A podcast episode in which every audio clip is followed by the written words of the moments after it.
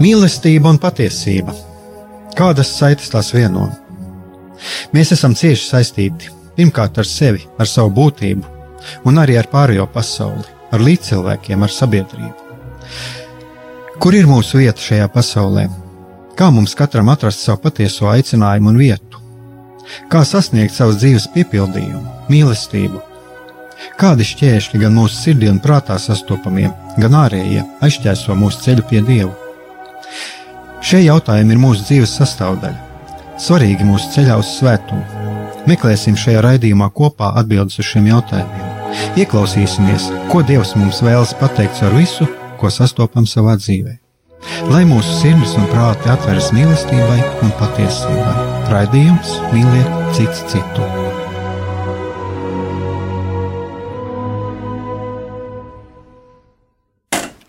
Lai top slavēts Jēzus Kristus, esiet sveicināti, darbie radioklausītāji un klausītājas. Eh, studijā atkal esmu es Aigās Brikmanis, un šis ir raidījums Mīliet cits citu. Un šodien mēs turpinām, varētu teikt, jā, turpinām raidījumu, turpinām tematu, ko mēs um, sākām iepriekšējā raidījumā. Uh, un tāpēc mūsu viesis atkal ir Jānis Jakobsons, Un, eh, kā jūs atcerieties, kas jūs klausījāties, Jānis Jakobsons ir eh, cilvēks, kurš studē psiholoģiju, bet nu, no iepriekšējās sarunas es arī sapratu, ka eh, jau tur ir redzama pieredze un, un jau izpratne par šiem psiholoģiskiem procesiem, kuri mums var gan traucēt, gan palīdzēt, un, un mēs arī dzirdējām dažus padomus, ko mums darīt. Un šodienas temats būs trauksme. Un tāpēc man pirmais jautājums ir eh, Jānim, kāpēc tu izvēlējies eh, šodien runāt par trauksmi? Jā, eh, sveicināti, dārgie radioklausītāji. Um, atbildot uz jautājumu, kāpēc šodien izvēlējos runāt par trauksmi, tāpēc, ka um, tas man pašam ir aktuāls temats, kaut kas, um, ar ko es mm, savā dzīvē Mm, esmu ļoti labi pazīstams no savas pieredzes. Uh, tas ir kaut kas, kur es esmu pats meklējis atbildes uz šo jautājumu, uh, kas ir vispār trauksme un kā dziedināt savu trauksmi. Un uh, es domāju, ka tas arī ir daudzu praktizējušu psihologu un terapeitu pieredze, ka viņi savā praksē palīdz tanī jomā, kas viņiem pašiem kādreiz mazākā vai lielākā mērā ir bijis aktuāls, un e, trauksme manā dzīvē mm, ir bijusi aktuāla, un e, paldies Dievam, es esmu atradis veidus, kā iet šo dziedināšanas ceļu no trauksmes.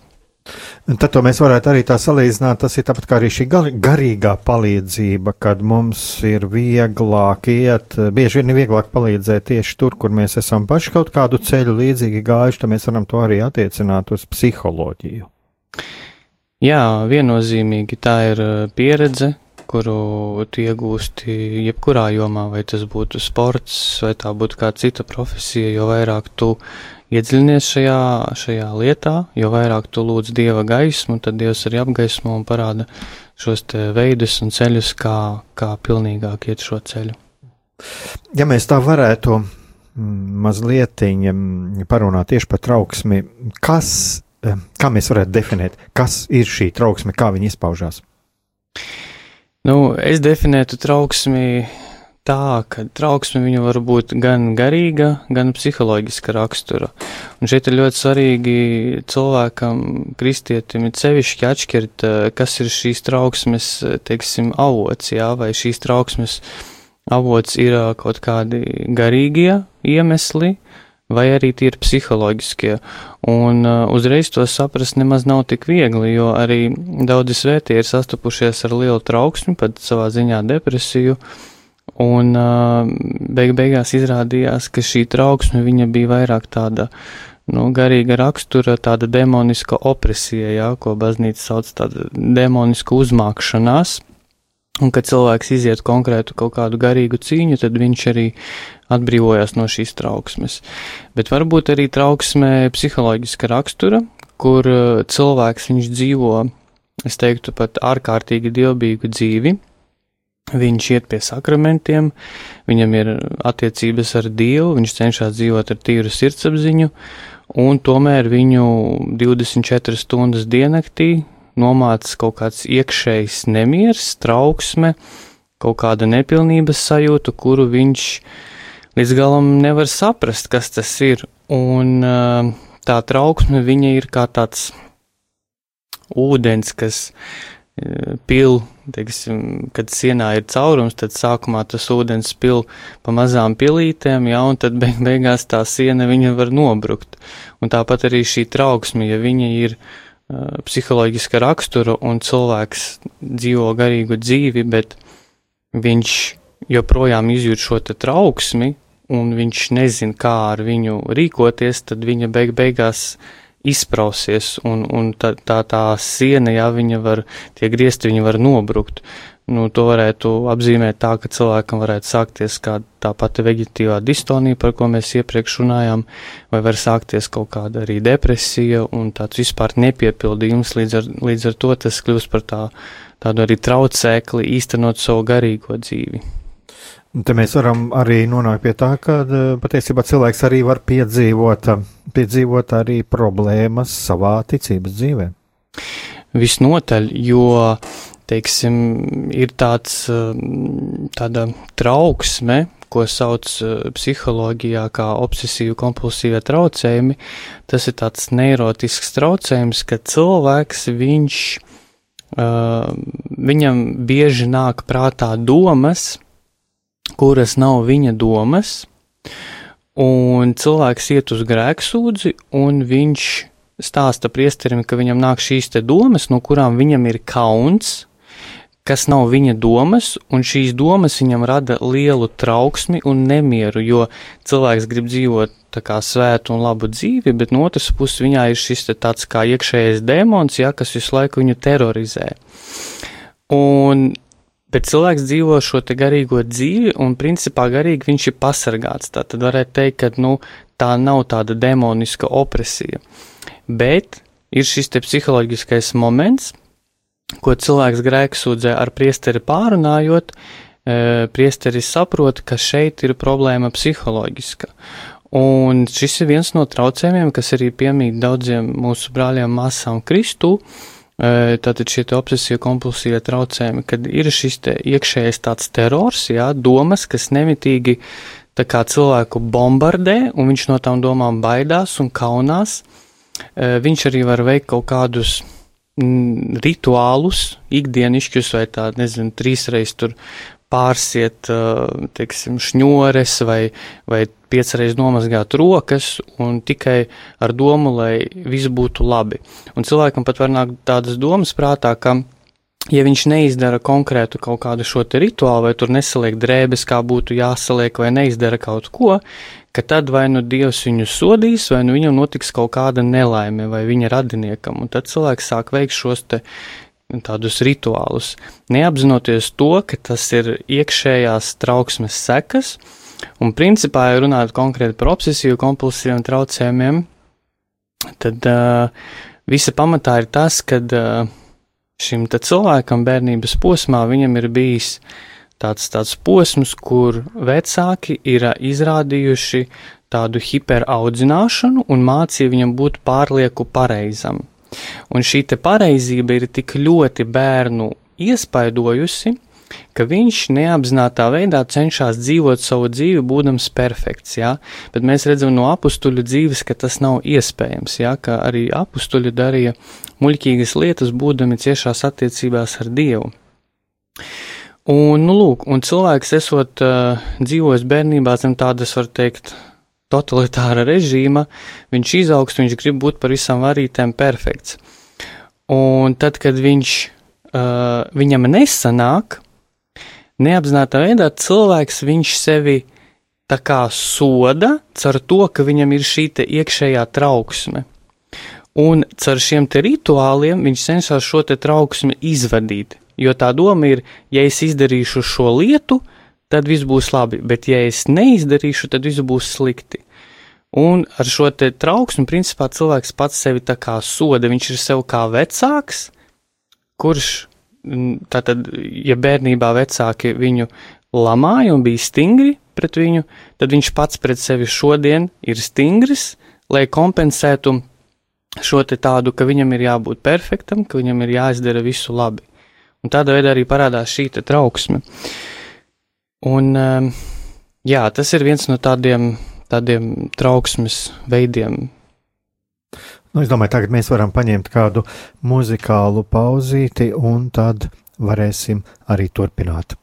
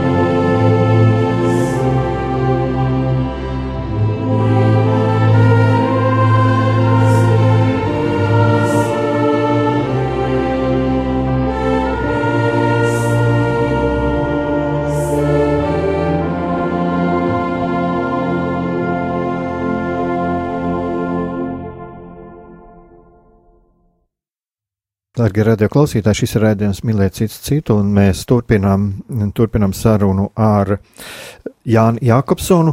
Un uh, pirms muzikālās pauzes Jānis stāstīja par obsesīvi kompulsīvajiem traucējumiem, par rituāliem, kurus uh, cilvēki cenšas piekopt, jo viņiem ir sajūta, ja viņi to neizdarīs, tad, tad notiks kaut kas slikts.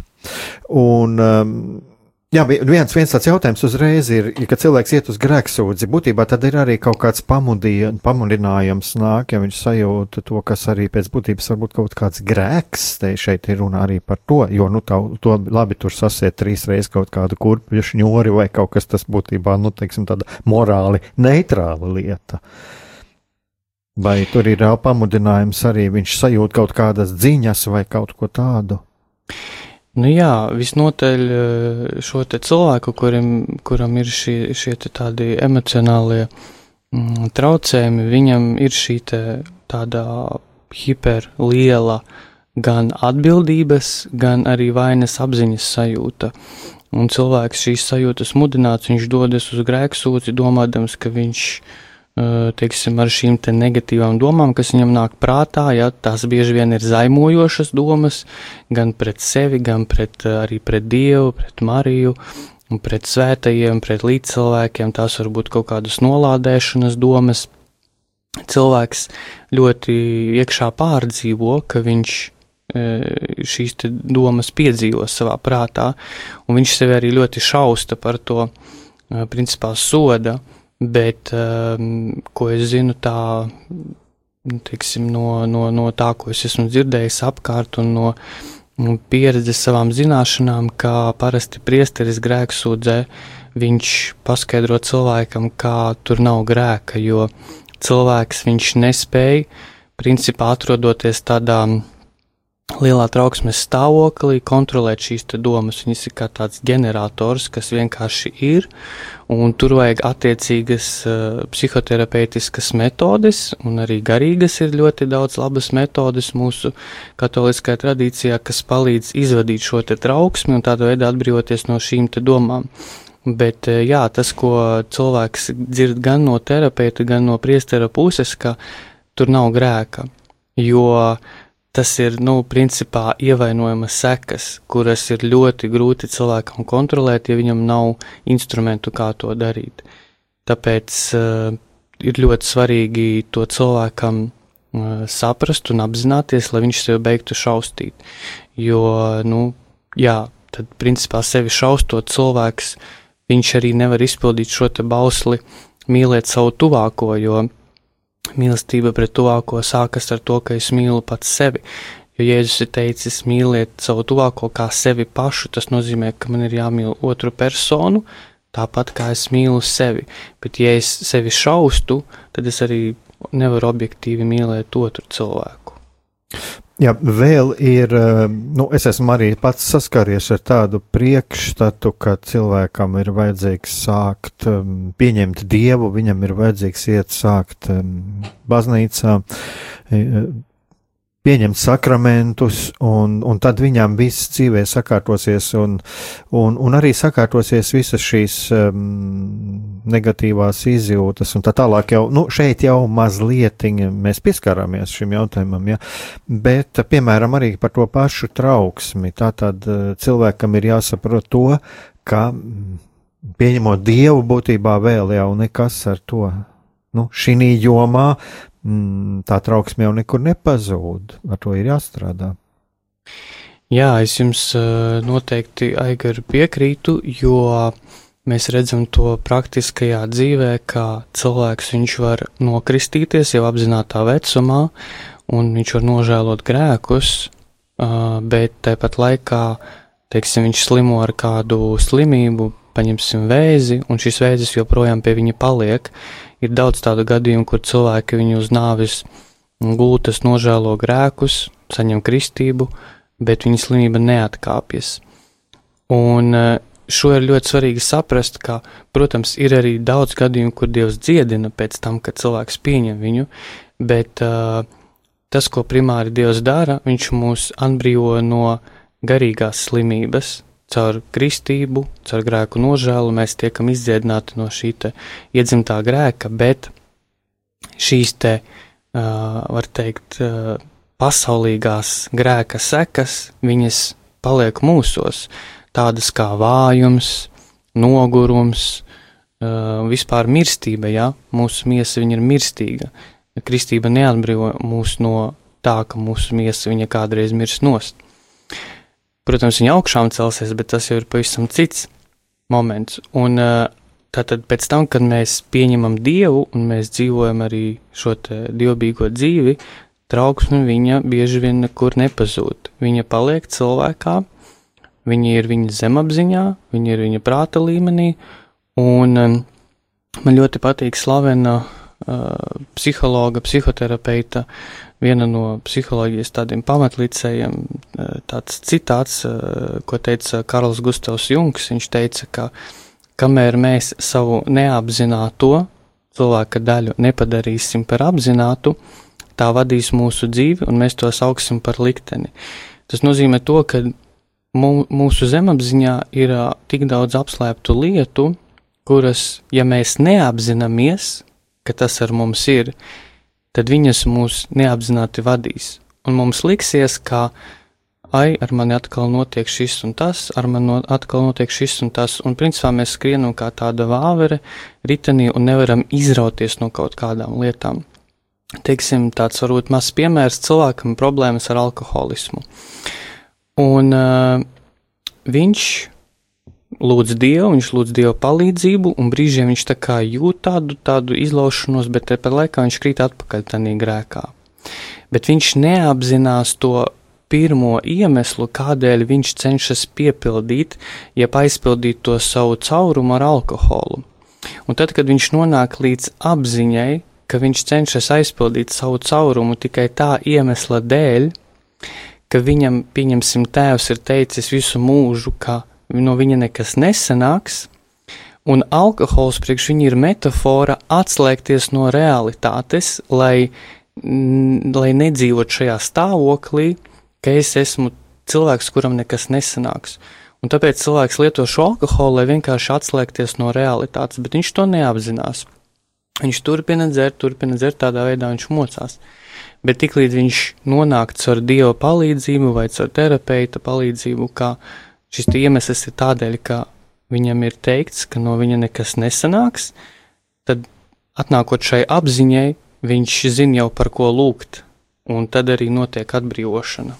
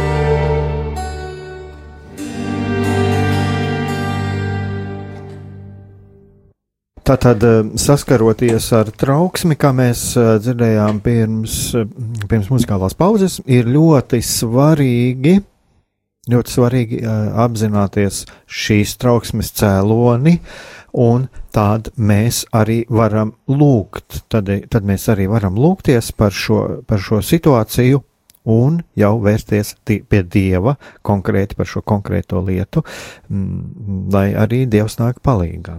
Jā, noteikti tad Dievs mums kļūst par tādu personīgo psihologu, psihoterapeitu, kurš, kurš mums gan parāda arī nereti šos mūsu ievainojuma cēloņus un iemeslus, un tad viņš arī nāk ar savu dziedinošo roku. Nu, te mēs varam atkal paskatīt, varbūt tagad jau iet tālāk un Protams, ka cilvēkiem uzreiz radīsies jautājums, nu labi, Dievs nāk palīgā ar savu dziedinošo roku, bet kur tad Dievs bija pirms tam? Tas vienmēr, vienmēr ir tāds, es vismaz esmu tā saskāries arī eh, ar cilvēkiem, arī kas ārpus baznīcas un arī pašā baznīcā saka, bet kur Dievs ir šajā situācijā? Un tad es domāju, ka tagad mēs nonāksim pie tādas uh, manuprāt, ļoti svarīgas tēmas pie, to, pie tā, ko tad, kādus instrumentus, kādas iespējas mums Dievs piedāvā. Un, būtībā, nu, es tagad pateikšu no savas puses. Es redzu, ka Dievs uzreiz nepačukstā ausī, tā kad mums ir kaut kas tur jāpieliek klāt, ir jābūt pašiem kaut kādā ceļā, kaut kādā meklējumā. Jā, un tas arī būtu ļoti īstenībā filozofiski grūts jautājums, kur bijis Dievs pirms tam. Uh, Arī es esmu uzdevis sev šādu jautājumu vairāk kārt savā dzīvē, bet es domāju, tas, ko es priekš sevis esmu nodefinējis, ka uh, visam ir savs laiks, un arī uh, Dievs viņš darbojas savā laikā, uh, viņš zina, uh, kad mums ir, uh, kad mums ir uh, jānāk pie viņa, viņš zina, kad ir laiks viņam atklāt kaut kādas lietas priekš mums. Nu, jā, nu, lūk, tā, tā tad, mm, tā tad ir, ir vajadzīgs laiks, un ir vajadzīgs arī tur, nu, ir jāsaka tā, ir vajadzīgi arī šie, šie instrumenti, ar kuriem, kuriem kurus Dievs mums savā ziņā piedāvā. Un tāpēc, domāju, šeit ir arī, nu, jā, ļoti svarīgi apzināties, un arī, ko mēs zinām no tā, no tā, ko mēs runājam arī iepriekšējā raidījumā, ka Dievs jau mums arī piedāvā šos psihologus, šos gan tos cilvēkus, kas mums var palīdzēt psiholoģiski un garīgi, un tāpēc ir arī ļoti svarīgi. Nu, mēs domājam, tagad mēs nonākam pie tā, jā, ka jā, pie šiem ir, instrumentiem. Jā, ir ļoti svarīgi meklēt, meklēt palīdzību un, un uh, censties izmantot visu to, ko Dievs mums savā labestībā dod. Un, ja mēs paskatāmies uz šo arī gadsimtu, mēs redzam to, ka, jā, mēs varbūt dažreiz sūdzamies par to, ka ir trauksme, ka ir nemieris, ka ir viss steigā un, un materiālisms apkārt bet mēs varam arī ieraudzīt tās labās un pozitīvās puses, ko Dievs ir mums devis ar šo laiku, ka mums ir internets, ka mēs varam uh, uzzināt daudz dažādas informācijas, par kuru mūsu senči nemaz nevarēja pat sapņot.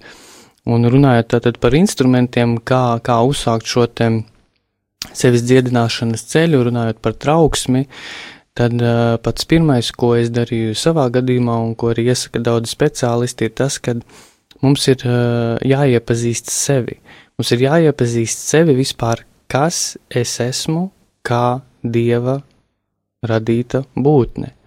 Uh, kas ir tas, pēc kā es ilgojos, kas ir tas, kas ir mani sapņi, kādas ir manas bailes, uh, ko es vēlētos īstenot dieva godam šajā pasaulē. Un vispār uh, man arī ļoti patīk tāds jautājums, kā nevis uh, ko man ir jādara šajā dzīvē, bet ko dzīve sagaida no manis. Kas ir tas, ko dzīve sagaida no manis, ko man ir jāizdara šajā pasaulē? Un tie tādi pamat jautājumi, ko, ko cilvēks var sev uzdot, meklējot šos trauksmes cēloņus, ir tādi emocionālās inteliģences principi, kā mēs uzdodam sev pirmo jautājumu, kas ar mani šobrīd notiek, ka man ir jāapzinās, kas ar mani šobrīd notiek. Un tad mēs sev skaidri nodefinējam, šobrīd es jūtu paaugstinātu trauksmi, tāpēc, ka es nezinu, kā samaksāt par dzīvokļu rēķiniem, pieņemsim.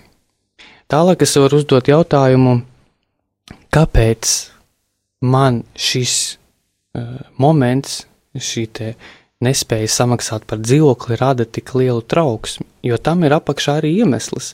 Tās ir bailes, eh, teiksim, varbūt palikt ārā, tās ir bailes uh, no tā, ka mm, man nebūs kur uh, dzīvot, tās varbūt bailes no tā, ka ko par mani padomās citi, ja es kļūšu bezpajumtnieks, var pat tik tālu iet, jā. Un tad cilvēks var nonākt līdz tam, ka viņš saprot, ka viņam, uh, pieņemsim, ir ļoti svarīgi uh, dzīvot komfortā. Neiet runa par to, ka viņam ir svarīgi dzīvot mājās, jo mums katram ir svarīgi dzīvot mājās, bet svarīgi runiet par to, ka viņam ir svarīgi dzīvot komfortā.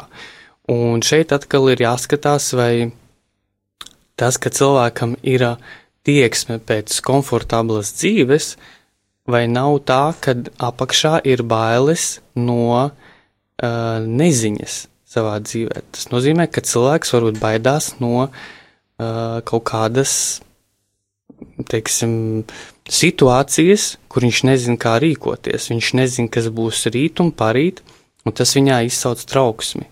Un šeit atkal ir jāvēršas pie Dieva. Kāpēc es nevaru pieņemt to, kā es daudzas lietas nezinu, kā viņas notiks, ka es baidos no šīs neziņas.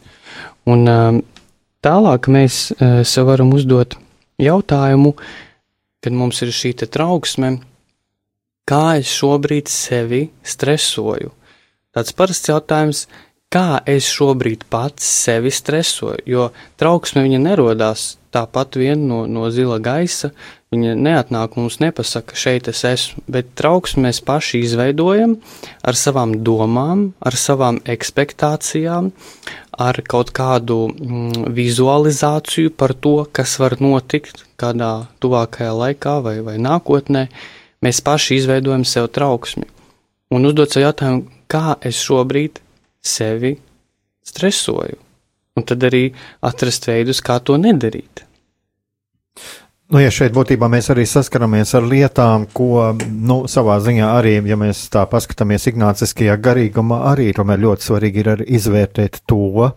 Un es domāju, ka tas ir ne tikai ignāciskajā garīgumā, tas vispār par to runā arī psiholoģijā, un, un es domāju, jebkurš garīgums, jā, nu es runāju šādi patiešām par tādu veselīgu garīgumu, kur ir ļoti svarīgi pirmkārt jau paskatīties lietas, kur es varu kaut ko darīt, un apzināties, kur es nevaru kaut ko darīt.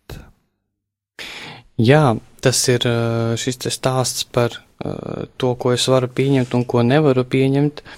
Un šis ir svarīgs kriterijs arī psiholoģijā, ka tad, kad cilvēkam ir kaut kāda problemātiska situācija, un uh, viņš cenšas viņu atrisināt, bet viņš viņu nevar atrisināt daž, dažādu iemeslu dēļ, tad uh, šeit ir tāds princips, ka vai nu es pieņemu lēmumu par to, ka es nevaru atrisināt šo situāciju, un es vienkārši pieņemu tā, kā ir, vai nu es uh, turpinu risināt.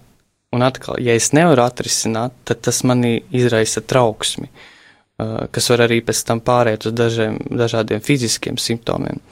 Un šeit ir svarīgi saprast, vai, vai es varu pieņemt, un vai es nevaru pieņemt. Un, ja es nevaru, tad pazemīgi to ir jāatzīst. Un tas, kas Jā, tā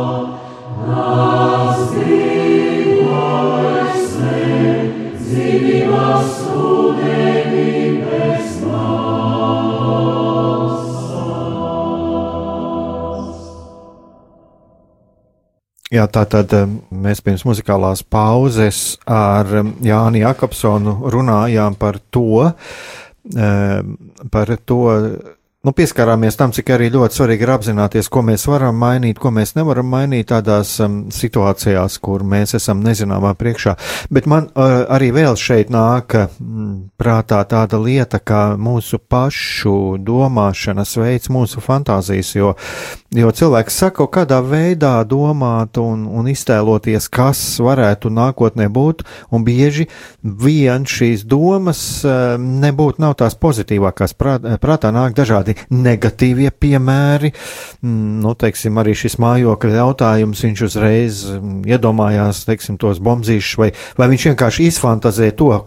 Nu, bieži vien ir tā, ka mēs mm, Liela problēma. Liela problēma ir tā, ka mēs padomājam, ko citi par mums domās. Savā veidā tāds egocentrisms, un mēs vienmēr gribam nevis dzīvot savu dzīvi, bet mēs dzīvojam cita dzīvi, un tas skar arī šo sociālo jomu. Ja man būs tas vai nebūs tas, ko citi par mums padomās, lai gan, nu, manuprāt, mēs nemaz neesam tādās pasaules centrā, un citiem ir pilnīgi vienaldzīgi, ko mēs, um, ko, ko mēs ko, ko mēs darām.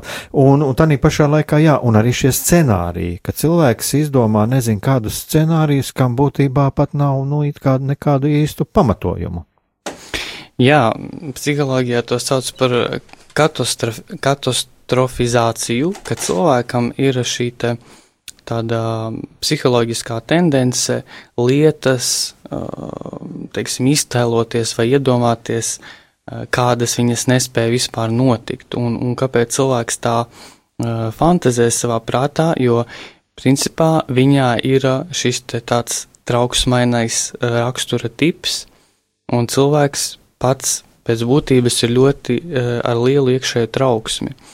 un uh, viņš ir piedzīvojis savā bērnības posmā kaut kādas traumatiskas pieredzes, uh, notikumus, kur viņš redzēja, ka vecāki vai pieaugušie viņam apkārt uh, principā bieži ceļ paniku. Un ceļ paniku tur, kur nemaz panikai nav vietas. Un uh, tāpēc arī cilvēks izaugot, viņš dzīvo ar šo tādu fantāziju, kura ir tendēta lietas katastrofi, katastrofizēt. Un, protams, šeit vajag dziedināšanu, un, ja runāt vairāk arī par tādu zinātnisko pusi, tad uh, ir tā, ka tad, kad mēs uh, piedzimstam un uzaugam, tad mūsu smadzenēs veidojās šie neironu ceļi.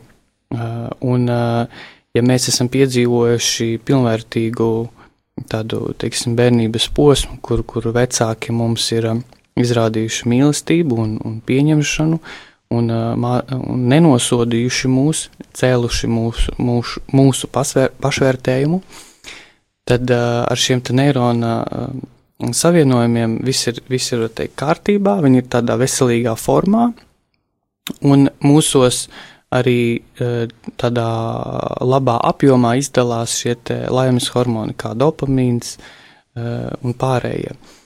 Bet, ja cilvēks ir piedzīvojis šo trauksmi, tad šie neirona ceļi, ir atmiruši, jeb aizmiguši.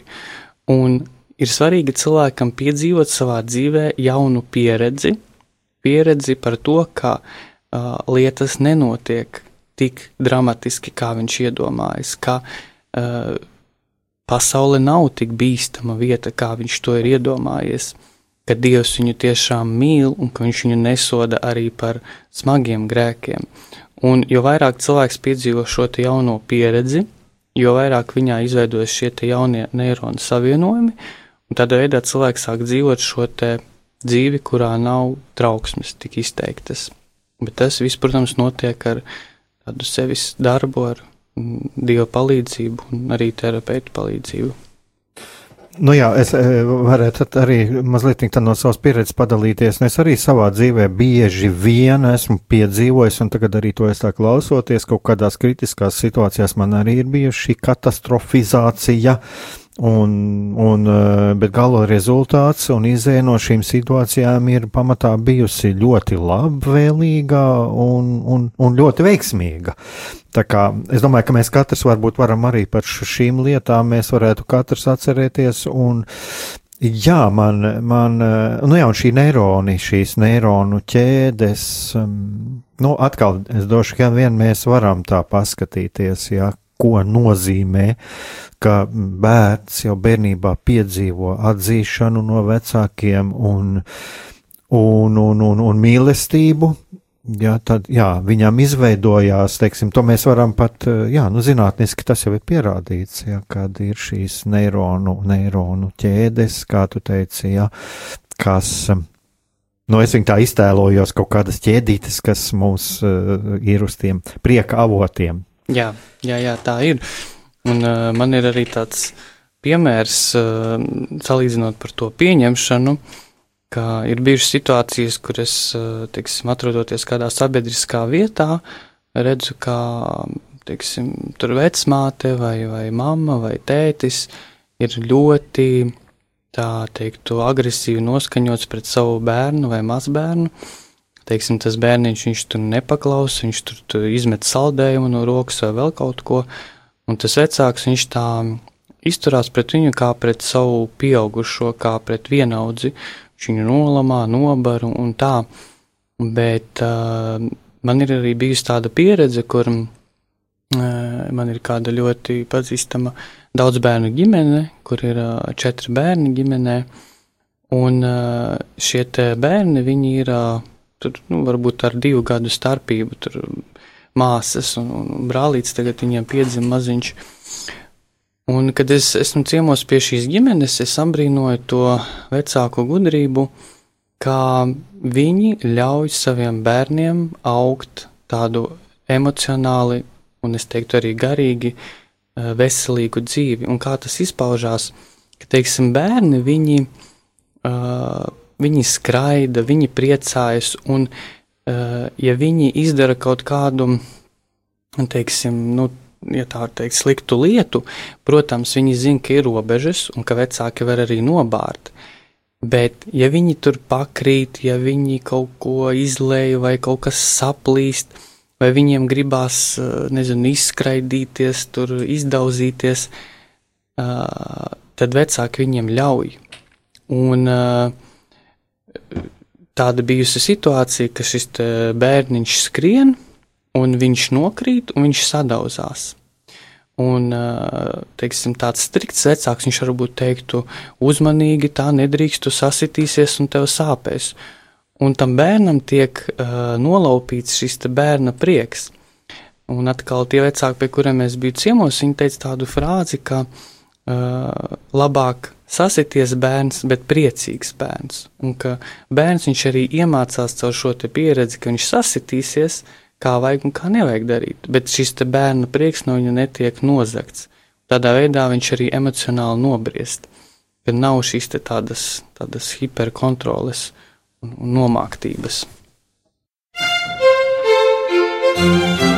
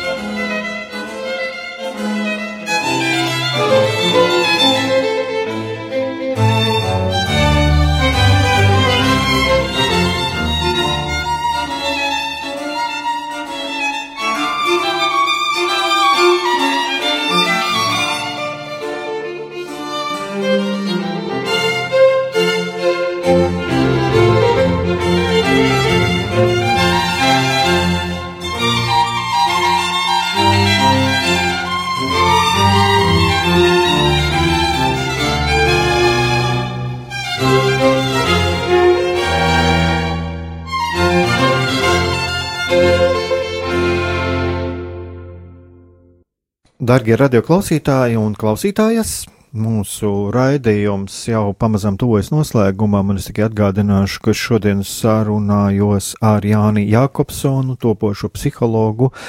Un um, pirms muzikālās pauzes Jānis stāstīja par to, cik, nu jā, cik ļoti svarīgi ir ļaut uh, bērnam aug, jau augot, būtībā dzīvot savu dzīvi, un man ļoti labi patika, patika šī frāze, ko arī kādi vecāki teikšu, labāk eh, sadauzījies nedaudz tas bērns, bet priecīgs, jā, nu, netīk sadauzījies tā, ne jau kaut kāda liela trauma, bet, nu, vienkārši sasitās, jā, un arī par šo dzīves skolu, kur tādā veidā bērns iegūst. Um, nu, redījums tagad iet uz noslēgumu, varbūt tu vēl kaut ko vēlies um, pateikt klausītājiem. Jā, man nāk prātā kāda mm, cilvēka mm, tādas eh, atpazīsta, atpazīstas, atpazīsta uh, slavenas personības mm, dzīves stāsts. Uh, tas ir apmēram bijis pirms kādiem gadiem 80. Uh, dzīvoja kāds cilvēks Amerikā, viņš bija jauns, iestājās studēt medicīnu, pēc sava tēva pamudinājuma, un pēc kāda laika viņam nesanāca. Viņš saprata, ka tas, tas nav tas, ko viņš gluži gribētu darīt. Un um, viņš iekrita tādā depresijā, ka viņš nespēja izdarīt to, ko no viņa tēvs gaida. to, ko no viņa sabiedrība gaida, ka viņš nevar atrast sevi šajā pasaulē. Un uh, viņš nolēma sevi izaicināt, dodoties uz uh, džungļiem, džungļos dzīvojot šo tādu noteikti izdzīvošanas dzīvi, un ar domu, ka tur viņš iemācīsies kļūt par vīrieti, ka tur viņš nobriedīs. Un uh, viņam bija arī liels problēmas ar veselību, viņam sāpēja mugura, viņam bija visādas spazmatiskas sāpes. Un tad, kad viņš devās uz šiem te džungļiem, tur viņš vēl vairāk saslima un uh, knapi, knapi atbrauca pie sevis uz mājām. Tad, ja viņš apgūlies uz tādas kā nāves gultas, apmēram 30 gadu vecumā, saprata, ka viņš grib izdarīt savai dzīvei galu, ka viņš vēlas pašnāvību. Un tad viņš uh, ieraudzīja savā dzīvoklī kāda uh, zinātnieka uh, burtnīcu, kur bija kāds tests. Un šis tests viņš skanēja šādi, ka cilvēkam ir uh, gada laikā katru dienu jāuzņemas par savu dzīvi atbildība tādā mērā, kā it kā viss būtu tikai un vienīgi no viņa atkarīgs. Un uh, viņš izlasīja šo tādu zinātnisku tādu pētījumu, un viņš nolēma, ka labi, es sev došu vēl pēdējo iespēju no šīs dienas, es darīšu visu, it kā es būtu par to atbildīgs, un arī to, kas nav no manis atkarīgs un par ko es neesmu atbildīgs, es arī uh, to uzņemšu un pieņemšu tā, it kā es esmu pie tā vainīgs, ja kaut kas noiet nepareizi. Un viņš sāka dzīvot šādu atbildīgu dzīvi katru dienu, uh, esot šādā atbildības stāvoklī, un uh, pēc kāda laika šis cilvēks kļuva par uh, pirmo Amerikā psiholoģijas pamatlicē. Tas ir Viljams Džeims. Uh, viņš bija viens no psiholoģijas pamatlicējiem Amerikā. Viņam bija četru vai piecu bērnu ģimene, viņš kļuva ļoti slavens, ļoti labs tāds savā jomā speciālists un nodzīvoja diezgan skaistu dzīvi. Un tas bija pateicoties tam, ka viņš pieņem šo lēmumu būt par visu atbildīgam. Un, jā, man šāda liecība ienāca prātā ar domu, ka mums ir ļoti svarīgi par sevi parūpēties, un mēs nesam atbildību par to, kāds ir mūsu stāvoklis, gan garīgs, gan psiholoģisks un fizisks. Un tad, kad mēs sākam par sevi būt atbildīgi, par sevi rūpēties, tad arī Dievs nāk palīdzībā. Tātad rūpēsimies par sevi, un tad arī Dievs nāks palīdzīgā. Nu, es domāju, ka šeit arī tas ļoti labi saskan arī ar šiem vārdiem, ka, kur mūs uh, Dievs aicina mīlēt sevi, uh, jā, un mīl arī otru kā sevi pašu, mīl savu tuvāko kā sevi pašu, tur arī ļoti dziļa jēga tajā visā, un, un ja mēs tā paskatāmies, es domāju, ka mēs arī paskatāmies svētajos rakstos, un mēs paskatāmies arī tajā, ko māca baznīca, tāda patiesībā, ja mēs arī visur, visur, visur redzam to, ka Dievs mūs aicina mīlēt pašiem sevi, jo tikai tad mēs varam būt arī šīs dieva mīlestības nesēji pasaulē, jo galu galā, nu kāpēc tad mēs esam tie, kuri ir aicināti mīlēt sevi, jo mēs taču esam radīti pēc dieva attēlu un līdzības? Jā, noteikti. Un, dārgie radio klausītāji, šis bija raidījums Mīliet cits citu. Studijā pie mums bija Jānis Jākapsons un um, topošais um, psihologs arī ar jau, jau savu dzīves pieredzi. Un, um, jā, un mēs šeit, domāju, dzirdējām ļoti daudz vērtīgas lietas, vērtīgu ierosinājumu, vērtīgas ierosmes. Es ceru, ka ļoti daudziem no mums jums, darbie klausītāji, un es domāju, arī man pašam ir um, šis tas, ko pārdomāt. Un, uh, un es ceru, ka mēs uh, vēl varēsim šeit parunāt, jo es, man te jau ir daži uzmetumi, par ko mēs vēl varētu parunāt. Bet tagad, lai mūs visus pavada dieva žēlastība un uz sadzirdēšanos nākamajā raidījumā.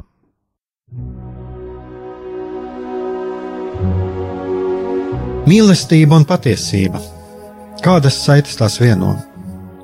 Mēs esam cieši saistīti pirmkārt ar sevi, ar savu būtību, un arī ar pārējo pasauli, ar līdzcilvēkiem, ar sabiedrību.